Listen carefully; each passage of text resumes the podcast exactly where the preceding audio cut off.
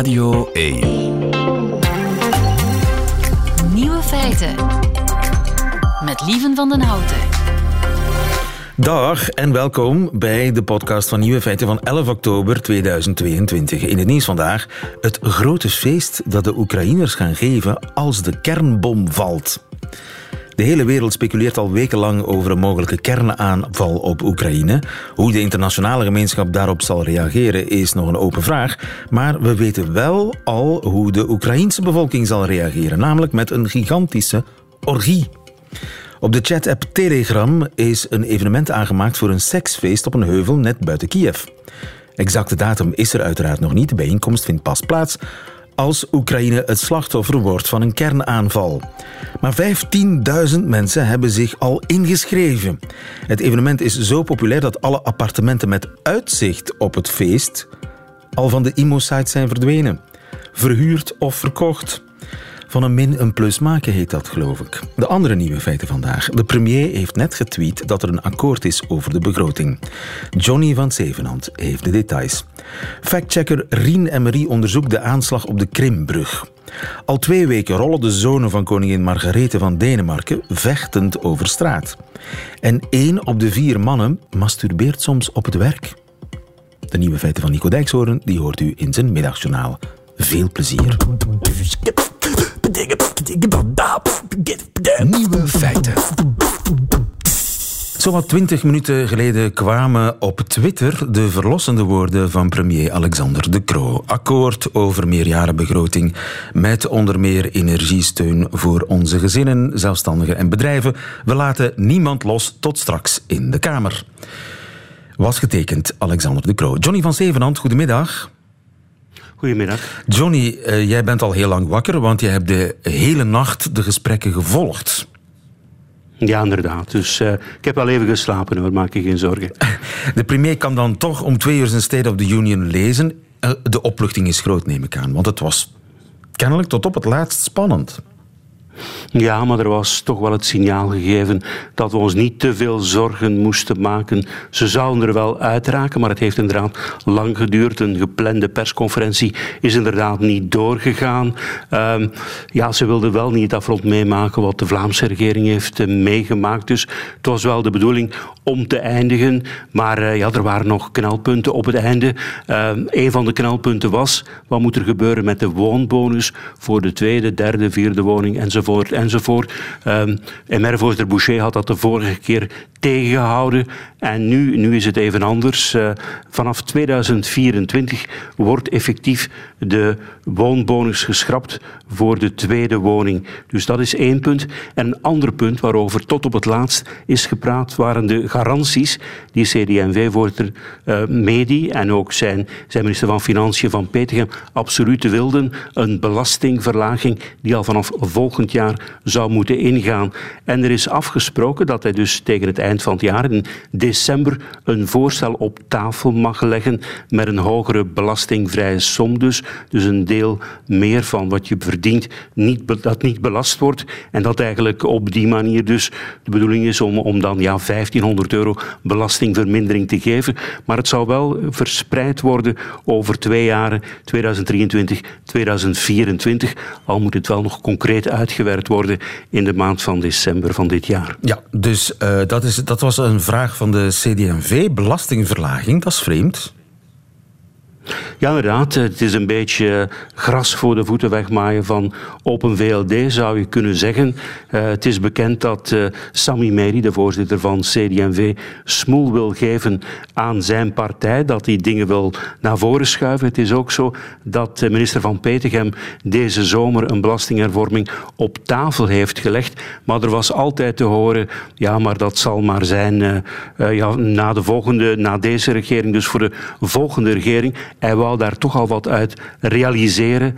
En CD&V hoopt natuurlijk te scoren op die manier. Ja. Is er nog over de effectentax gepraat? Wel, wat, wat, er is een koppeling eigenlijk ontstaan gisterenavond in de loop van de nacht. Premier De Croo die wilde dus uh, ervoor zorgen dat de ambtenarenpensioenen niet meer welvaartsvast zouden zijn. Dat betekent dus dat ze niet meer zouden stijgen, uh, mee zouden stijgen met stijgingen van de, van de ambtenarenloon. Uh, niet dat er nu op dit ogenblik stijgingen zijn bij de ambtenarenlonen, maar er waren er wel geweest bij de Vlaamse leerkrachten. En als dat was doorgevoerd, dan had dat 1500 euro bruto per jaar gekost. Dus, um, dus premier De Croo wou dat, maar de socialisten en ook wel de groenen, die gingen op de rem gaan staan. En dan zeiden de liberalen, ah, als er niet mag geraakt worden aan de ambtenarenpensioenen, dan gaan wij ook niet akkoord met een hogere effectentax. En die is dus ook geschrapt. Dus twee dingen zijn geschrapt die serieus geld hadden kunnen opbrengen. Dus, uh, dus die, die ambtenarenpensioenen uh, verminderen en ook ja, die, die effectentax verhogen. Dus elk heeft dus een symbool dus, uh, niet willen lossen. Ja, en daar is dan urenlang over gedebatteerd, over die kwesties. Er is daar gisterenavond heel lang over gedebatteerd en dan vooral over het gevolg daarvan. Want als je minder geld hebt, kun je minder geld uitdelen, kun je minder geld investeren. Minister Gilles wou dus 400 miljoen euro per jaar uh, voor het spoor. Dat zal volgend jaar maar rond de 100 euro zijn. En, en het jaar daarna ook maar zoiets. Op lange termijn zou er wel miljarden komen, maar op korte termijn helemaal niet. Ook, uh, ook bijvoorbeeld de, de beloofde verhoging voor de federale ambtenaren. Dat zullen worden. Er is sprake van 1000 euro netto. Dat is het dan ook. En voor de politie, de loonsverhoging, dat zal maar een kleine helft zijn volgend jaar. Weliswaar het jaar daarna 90, uh, 90 procent. Dus, dus daarover is, is volop gedebatteerd. Er was nog een punt waar dan de PS op de rem stond, dat de post minder geld zou krijgen voor de bedeling van de kranten. Er is uiteindelijk beslist, volgend jaar blijft het wat het is. In 2024 gaat er 50 miljoen af. Ja, dus dat, uh, over dat soort ja, peanuts, want het gaat om de subsidie die de post krijgt voor de bedeling van de kranten. Dat, dat inderdaad, maar ik denk... een discussie lam. Dat had te maken met die aversie die ontstaan was, omdat, uh, omdat dus premier De Croo had gevraagd om aan die ambtenarenpensioenen te raken. En dat dan ja, de liberalen dan, dan een tegenzet... De, de hakken in het zand. Zo, Zo is dat inderdaad gegaan. Ja. En de, je hoort ook praten over een gezondheidsshift. Wat is ja, dat? inderdaad. Dat, dat staat nu ook in, in de teksten. Dat is iets wat de minister van Volksgezondheid Van den Broeke mag uitwerken, samen met minister Van Petegem. En het zou de bedoeling zijn om de BTW voor ongezonde producten te verhogen en die voor gezonde producten, dan denk ik aan, aan fruit bijvoorbeeld, aan groenten, om die BTW lager te maken. En er is nog een element dat daarin een rol speelt. Er is ook beslist om dus voor rookwaren uh, de accijnzen te verhogen. Um, volgend jaar al, al, voor de gewone klassieke rookwaren, maar dan vanaf 2024 ook voor de zogenoemde vapers, voor de e-sigaretten. En dat zou dan 200 miljoen per jaar moeten opbrengen. Dat geld is dan eventueel ook bruikbaar om, om dus inderdaad de mensen aan te zetten om gezondere voedingswaren te kiezen en die dan goedkoper te maken via de BTW. Nu, de premier heeft ook getwitterd over de energiesteun voor onze gezinnen, zelfstandigen en bedrijven. We laten niemand los, zegt hij. Zijn er wat dat betreft grote maatregelen genomen? Wel, er was het basispakket, je weet nog wel, die 200 euro die voor november en december er zou zijn. Er is beslist om dat ook in januari, februari en maart te geven. Dat is heel belangrijk. Wat ook belangrijk is, is dat de overwinstbelasting nu al zal ingaan vanaf 1 januari dit jaar. Er was eerst beslist van december tot juni volgend jaar. Uh, dat gaat uiteraard ook door. En wat er dan nog bovenop komt is, wanneer we in juni zijn en de prijzen zijn nog hoog, dan komen er nog eens zes maanden overwinstbelasting bij. De petroleumsector die zullen twee jaar na elkaar 300 miljoen euro moeten, moeten betalen, want die halen ook veel geld binnen. En ook Fluxis, die, die de gaspijplijnen beheert, die gaan ook 300 miljoen moeten betalen. Ja, straks dus om twee uur de State of the Union. Wat wordt volgens jou de algemene teneur, de hoofdboodschap van de premier?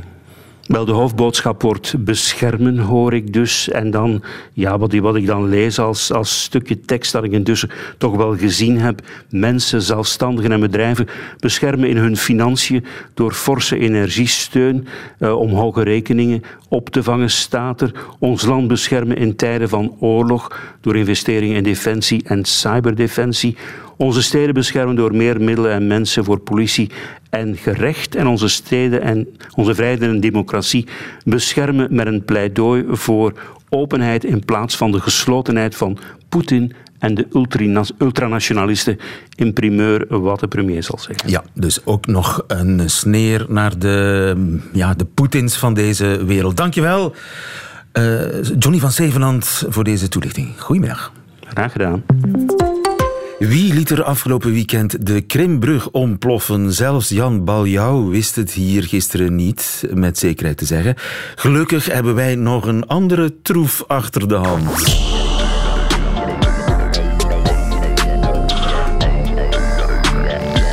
De nieuwe feitenchecker. Rien Emery, goedemiddag. Goedemiddag. De Krimbrug die zou opgeblazen zijn door een 51-jarige man uit Zuid-Rusland. Zou, hè, want we weten het eigenlijk niet zeker, maar er circuleert ook een naam van een Oekraïner. Semen Hidenko. Wie is die Semen? Wat een rare naam, Semen. Semen Hidenko. Ja, dus het is niet alleen een naam die circuleert, het is zelfs een identiteitskaart. Juist. Een identiteitskaart van een Oekraïense burger. Ja. Um, en die zou gevonden zijn op de Krimbrug op de plaats waar de ontploffing uh, gebeurd is. Oké. Dat, dat is toch het verhaal dat je op internet kan lezen. Um, en er staat ook een prentje bij van die identiteit. En uh, die naam staat erop, Semen Hidenko. Er staat een foto op van een man met een snor en een baard en een relatief lang haar. En uh, de Russen zouden die, die, die identiteitskaarten verspreid hebben als kijk, dit is de dader, dit is de terrorist die de brug heeft, opgeblazen. de Oekraïnse terrorist. heeft opgeblazen. Ja. Maar is dat ook, want uh, Jan Balja had het gisteren over een 51-jarige man uit Zuid-Rusland. Dat is, dat is die niet. Nee, dat is hem niet. Meer nog, Hidenko die bestaat eigenlijk niet.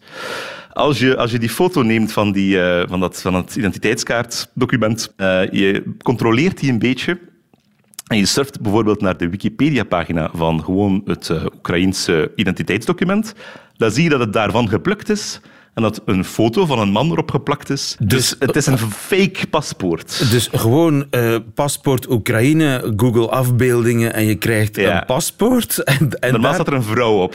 en daar plak je dan de, de... Maar is het zo simpel? Want verschillende betrouwbare nieuwswebsites hebben de foto van die identiteitskaart wel gepubliceerd.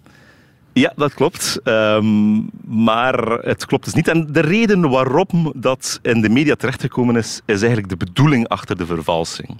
Als je die naam googelt, Semen Hidenko, dan vind je die eigenlijk al de hele tijd terug bij allerlei andere gebeurtenissen in Oekraïne. Het zou ook de persoon zijn die de gasleidingen heeft opgeblazen uh, onlangs in de Baltische Zee. Uh -huh. Het zou ook de, de Ghost of Kiev zijn, die, die, die zogenaamd heroïsche uh, Oekraïnse gevechtspiloot uit het begin van de oorlog. Dus er is iets raars aan de hand. Hij heeft en als alles je dan verder gedaan. kijkt, hij heeft alles gedaan, zo gezegd, die Semen Hidenko. En als je dan verder kijkt, zie je dat het niet Semen Hidenko is, maar een andere naam, Sam Hyde. Sam Hyde, ja. Sam Hyde is een, een, uh, een Amerikaanse comedian, een beetje van rechtse signatuur. Um, en ja, sinds 2015, als je zijn naam googelt, sinds 2015 komt hij de hele tijd terug als zogezegd de dader van allerlei schietpartijen, terroristische aanslagen in, in, over heel de wereld. Dus wat is er aan de hand? Het is een soort internetmeme, een, een, een grap Alright. die verspreid wordt door mensen die willen anderen in de val lokken om te geloven dat hij de dader is. Het is dus eigenlijk een soort running gag dat, dat, er, dat er dezelfde figuur opduikt van zodra er iets afschuwelijks gebeurt. Een mass shooting in Ja. Amerika. Een redelijk gruwelijke grap natuurlijk, want je kapitaliseert een beetje op tragedies altijd. Maar eh, ja, het is, dat is wat er gebeurt. En men, men zit dan gneffelend achter het scherm om te zien wie er allemaal intrapt. En onder andere dus af en toe sommige media, maar dus ook verschillende factcheckers nu op internet, die waren beginnen echt dat paspoort onderzoeken. Eh, net zoals ik daarnet gedaan heb. Eh, en dat, dat, ja, nee, dat is een fake paspoort, want kijk, die handtekening is hetzelfde als het prentje op Wikipedia. Maar eigenlijk, als je zijn gezicht ziet op dat, eh, op dat eh, identiteitsdocument, dan herken je hem bijna meteen. Als je, vanaf dat je weet dat die Sam Hyde altijd opduikt na zo'n na zo'n aanslagen en na zo'n zaak. Ja. Maar die Sam Hyde, die bestaat echt en hij is ook een echte comedian, dus die heeft geen leven meer. Die bestaat echt, maar die vindt dat hilarisch grappig. Ah, oké. Dus die, hij, hij stoort zich daar niet aan en hij heeft zelfs vaak zelf zo'n zaken gedeeld. Dus het gebeurt wel regelmatig trouwens met, met andere, andere bekende internetpersoonlijkheden, YouTubers, dat die beschuldigd worden van iets en die zijn dan meestal zwaar gechoqueerd daarvan. Maar Sam Hyde zelf Sam vindt Hyde het allemaal eh, het hilarisch. hilarisch.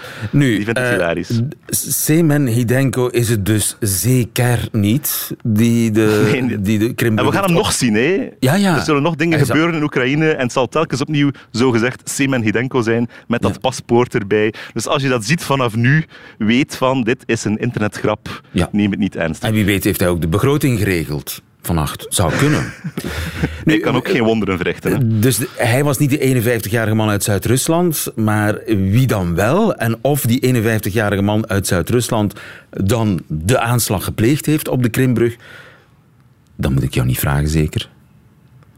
Wel, ehm, dat weten we nog niet, maar we zullen het wel ooit te Ah. weten komen. Maar dat is het, dat is het precieze ehm, window of opportunity voor zo'n grappenmakers en ook voor mensen die graag desinformatie verspreiden. Als er iets nog niet bekend is, dan kan je van alles beweren. En dat maakt het extra spannend natuurlijk. Ja, maar dat is natuurlijk eh, eh, de vraag van 1 miljoen. Hè. Wie heeft het dan wel gedaan? Ik hoop dat je dat ooit uitvist, Rien, en kom het dan meteen vertellen in Nieuwe Feiten. Ik bel u meteen als ik het weet. Oké, tot dan. Radio 1. Nieuwe feiten. Ik zie op dit ogenblik twee mannen. Matthias van de redactie, Sander de technicus. Ik hoor Sam Geuns. Goedemiddag, Sam. Goedemiddag. Sam, je bent seksuoloog aan de, aan de, de PXL, zo heet dat. Heel chic, PXL in Hasselt. En zelf ben ik ook een man, dus we zijn met vier mannen. En met dank aan een onderzoek in eh, Groot-Brittannië van een apothekersorganisatie, Chemist for You, weten wij wat dat betekent, Sam. Dat betekent dat, dat er één man hier, van die vier, soms masturbeert op het werk. Ik zie handen. ik zie handen. Zie je handen, fantastisch. Ja, ja. geen taboes op Radio 1.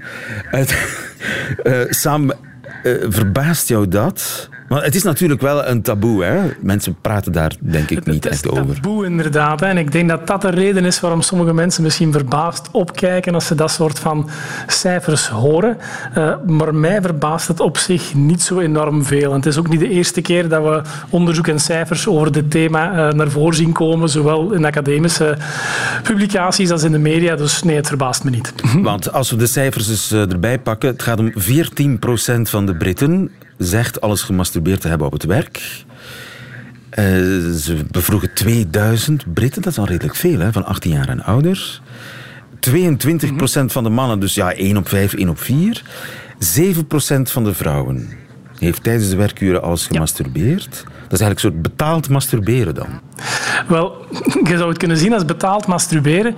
Maar op zich vind ik het altijd belangrijk, zeker met die taboe-onderwerpen zoals masturbatie, om eens na te denken van oké, ik denk dat als we in onze eh, eigen praktijk kijken, dat we wel moeten toegeven dat we allemaal veel dingen doen tijdens de werktijd. En dus betaald doen, die eigenlijk niet zoveel met ons werk te maken hebben. En masturbatie is gewoon een van de dingen in het rijtje. Ik denk als we handen moeten laten opsteken, wie eh, bol.com, Zalando of Imoweb open doet tijdens de werkuren, dat we nog veel meer handen krijgen. Ja, ja, ja. In Londen, ik ga even door met de cijfers, is het erger, als ik het woord erg mag gebruiken, Ik bedoel, komt het veelvuldiger voor dan in de andere steden. Dus de grootstad, maar misschien ja, grootstad, veel jonge mensen bij elkaar. Zou dat ermee te Ja, ik denk dat dat inhaakt, eh, inhaakt met de andere cijfers in dat onderzoek van Chemist for You. Hè. Eh, ze vonden ook inderdaad dat de jongere leeftijdsgroepen vaker masturberen op het werk dan de oudere leeftijdsgroepen, een beetje korter de bocht. En dat de grootverdieners het vaker doen dan de mensen met een kariger loon. Dus ja, natuurlijk, als je gaat kijken eh, in Londen, ja, ga je natuurlijk een grote jonge populatie hebben en je gaat een grotere populatie grootverdieners hebben. Dus niet gek dat dan ook de Londenaar blijkbaar het vaker gaat doen. Hè. Dus mensen die meer verdienen, doen aan zelfbevlekking op het werk. Wel, dat is ook een van die leuke dingen dat dat onderzoek van uh, Chemist for You uitkwam. Hè, dat inderdaad de mensen die dat in een, een hogere salarisklasse lijken te zitten, dat vaker lijken te doen. Maar op zich, als je erover begint na te denken, is dat ook niet zo gek. Hè, want om dat te kunnen doen, moet je ook de mogelijkheid hebben om dat te doen. Wat dat betekent, je moet bij wijze van spreken je werk voor een bepaalde periode, vijf minuten, tien minuten, een kwartier, kunnen achterlaten. Uh, ik denk dat een aantal van de jobs die kleinere verdieners doen, gewoon we niet de mogelijkheid geven om zomaar willekeurig een kwartier hun werk achter te laten. Ik zou maar zeggen, de, de band draait voort of de patiënt vraagt aandacht, dus je kan niet zomaar weg. Terwijl uh, de manager of de CEO die een kwartier de inkomende mails negeert, ja, die kan die keuze zelf vrijmaken. Uh, en dan zouden de Britten zeggen no harm, no foul, denk ik. Hè? Ja, baat het niet, dan schaadt het niet. Mhm. Maar het, een ander uh, element dat uit het onderzoek naar voren komt, is dat getrouwde werknemers het vaker doen dan single werknemers. Dat is inderdaad ook een van die boeiende dingen. Maar op zich, vanuit mijn standpunt, weer niet zo gek. Hè? Want als je kijkt naar de kansen dat de single krijgt om te masturberen en de kansen die uh, de getrouwde man en vrouw krijgt om te masturberen, ja, dan zien we ook een duidelijk contextverschil. Hè? Ik bedoel, die single man of vrouw die komt thuis en als hij dan zin heeft om te masturberen, dan doet hij dat kan dat doen hoe hij wilt en waar hij wilt thuis, wanneer hij maar wilt thuis. Want hij stoort daar niemand mee. De getrouwde man of vrouw, ja, die gaat thuiskomen en rekening moeten houden met een partner en al dan niet kinderen.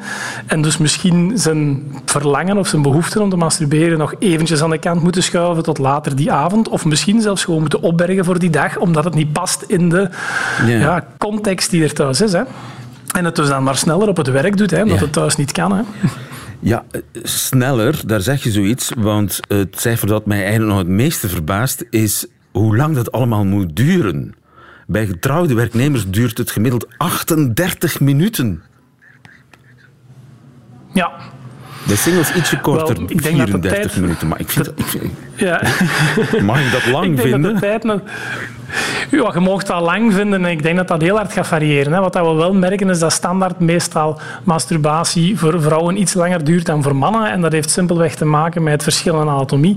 Dat het iets gemakkelijker is om op een doeltreffende manier uh, je eigen penis te stimuleren dan om op een doeltreffende manier je eigen clitoris, vagina en vulva te gaan stimuleren. Dus dat speelt daar een stukje rol in.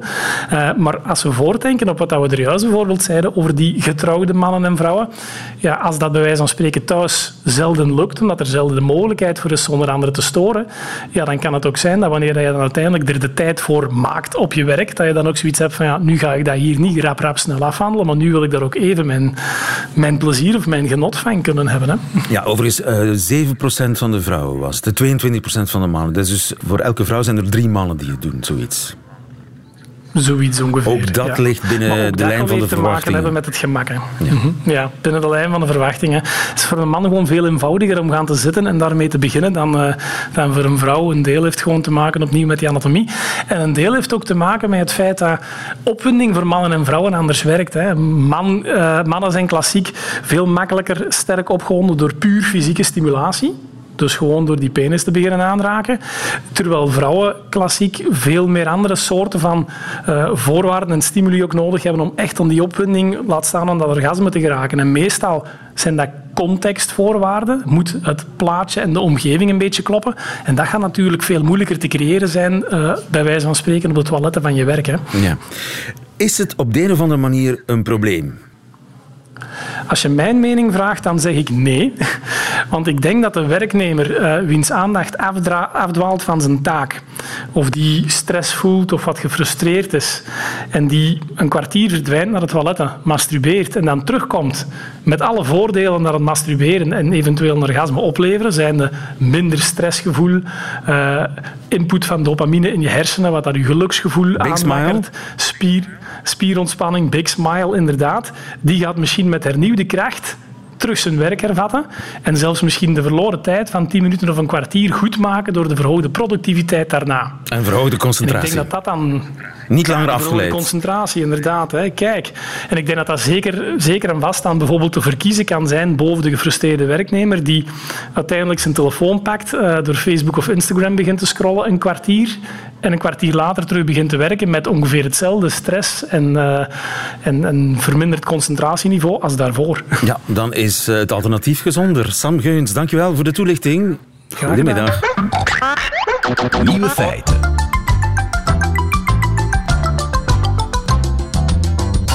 There is something rotten in the state of Denmark. Het stinkt een beetje in de staat van Denemarken als ik eh, Shakespeare op die manier een beetje vrij mag vertalen. Meer bepaald in de koninklijke familie.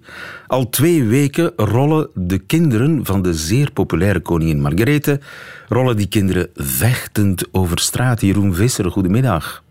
Goedemiddag. Onze mannen in het noorden. Wat is er gebeurd? Ja, twee weken geleden liet het Koninklijk Paleis in uh, Kopenhagen weten dat per 1 januari uh, de vier kinderen van prins Joachim, dat is de jongste zoon van uh, koningin Margrethe, dat die afstand moeten doen van hun koninklijke titels. De vier kleinkinderen, of vier van de acht kleinkinderen, want ze heeft er meer, hè? Ja, precies. Dus de, de, de jongste zoon, prins Joachim, heeft vier kinderen. Twee kinderen bij zijn eerste vrouw en twee kinderen bij zijn tweede vrouw.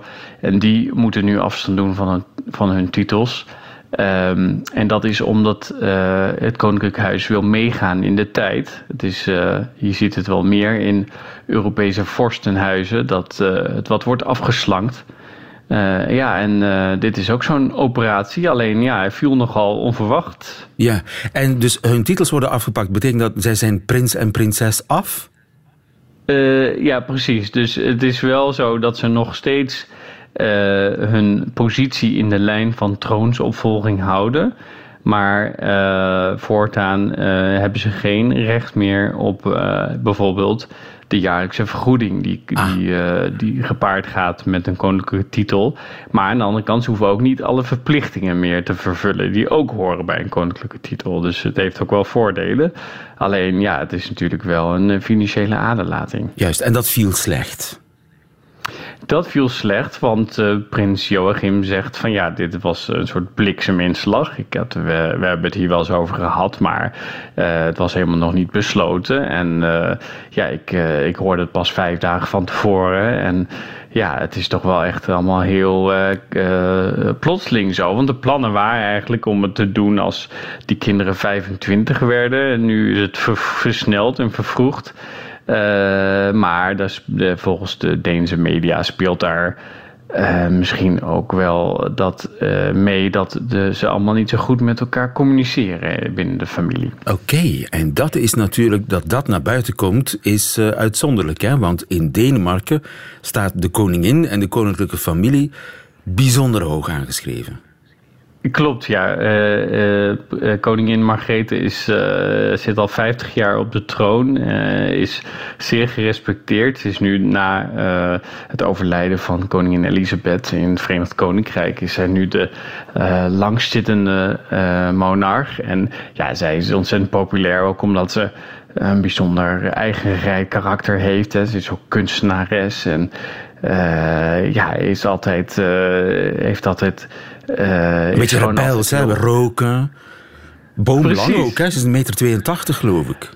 Ja, en, ze is, en, en dat roken is ook, er werd wel eens aan gevraagd van, van, nou ja, zou u niet stoppen? Hè? Iedereen weet dat nu ongezond is. U heeft ook een voorbeeldfunctie. En toen zei ze gewoon, zei ze, ik rook gewoon door omdat ik daar zin in heb. Het is, het is ook een soort van een, karaktereigenschap dat veel mensen leuk vinden van een koningin. En ze doet gewoon, ze is, is 82 en ze, ja, ze, ze, ze gaat, ze blijft zitten tot het einde, heeft ze ook al gezegd.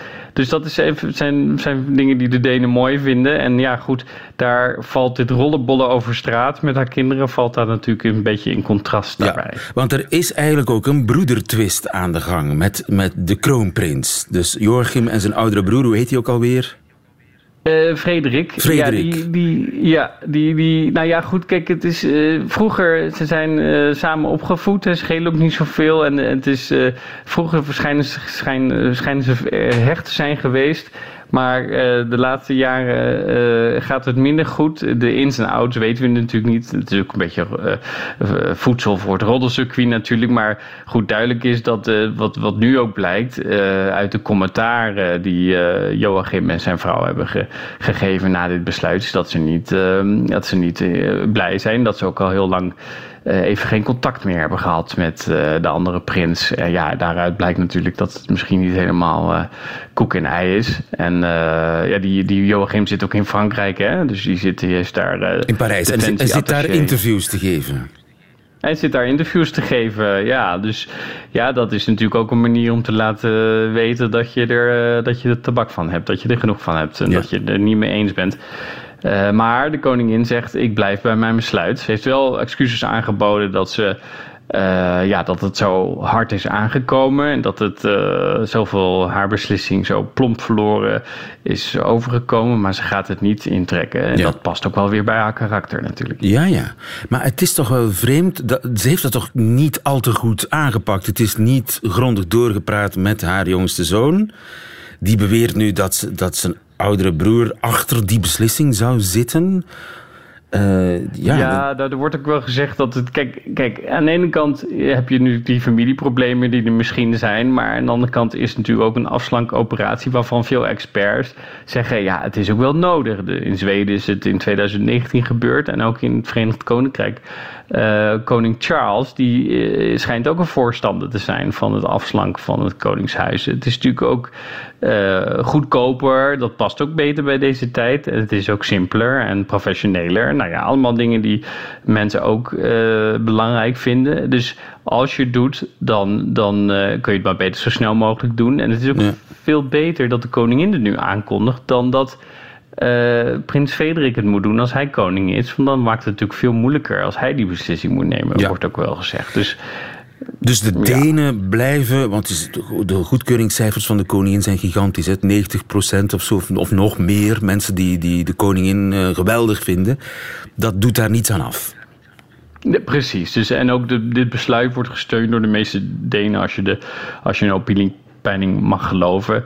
Uh, is dit een goed besluit geweest. Dus uh, alleen de manier waarop is natuurlijk heel ongelukkig. Kijk, en dat is ook weer die koningin. Hè. Ze, ze is een kunstenaar, ze is een sterk karakter. Ze gebruikt geen mobiele telefoon, dat weigert ze. Maar het, het procesmanagement is misschien niet helemaal haar ding. Ja. En uh, dat is hier natuurlijk wel fout gegaan. Maar is dat iets waar de Denen nu over praten? Bij de bakker, aan de koffie?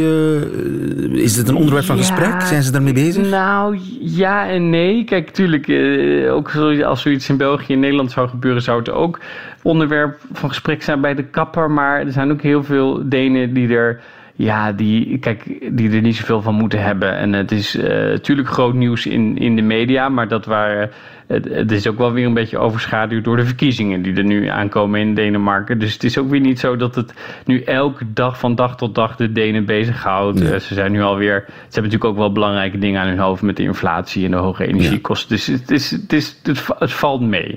Nu, en het laatste nieuws zou zijn dat die jongere broer, die Joachim, dat hij verliefd zou zijn op de vrouw van zijn, van zijn broer, zijn schoonzus. Ja, dat is, ik, ik, lees de vakpers.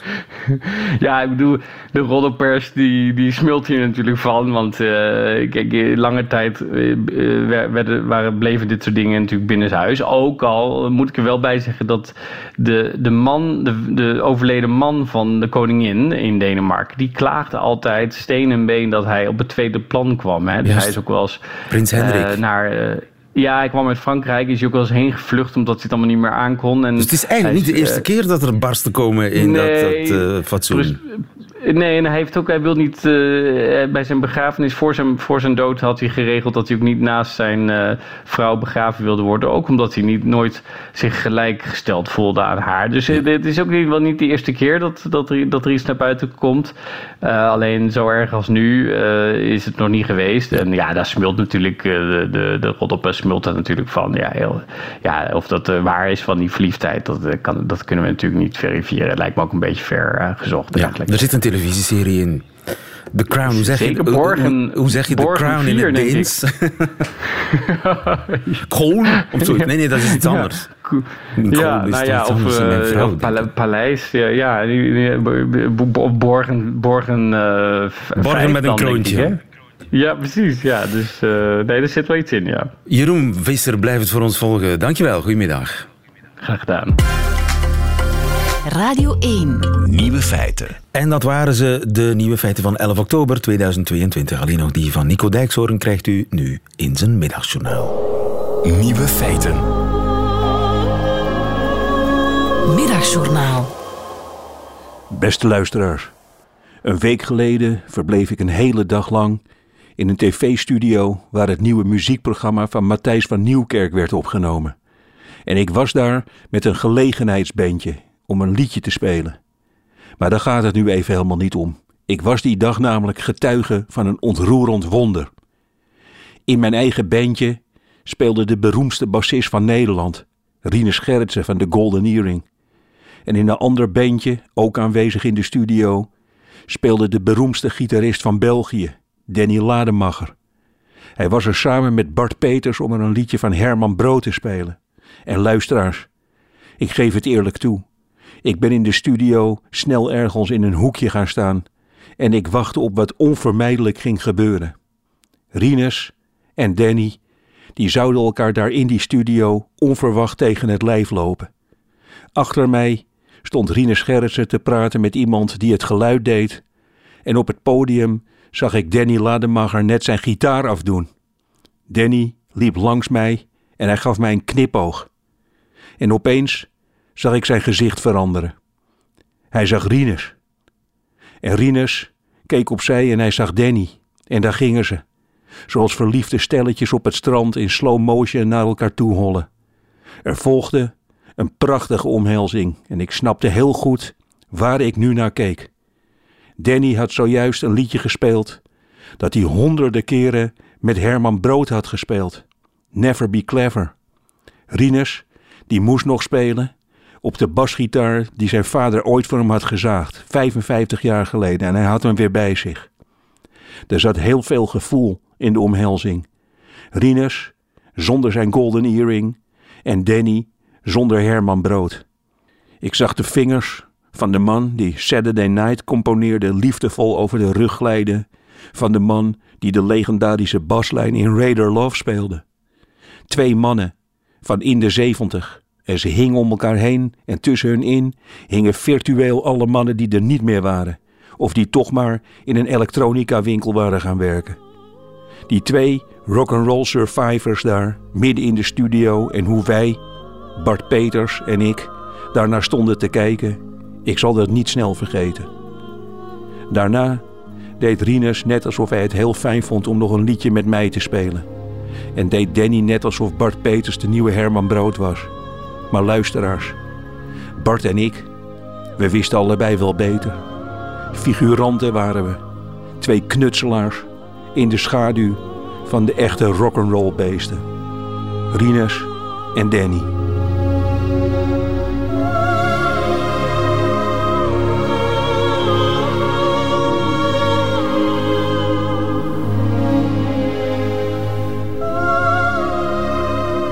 Het middagjournaal van Nico Dijkshoorn, de man die rock'n'roll in zijn pen stopt. Einde van deze podcast. Hoort u liever de volledige nieuwe feiten met de muziek erbij? Dat kan uiteraard live op Radio 1, elke werkdag van 12 tot 1. Of on demand via de Radio 1 app.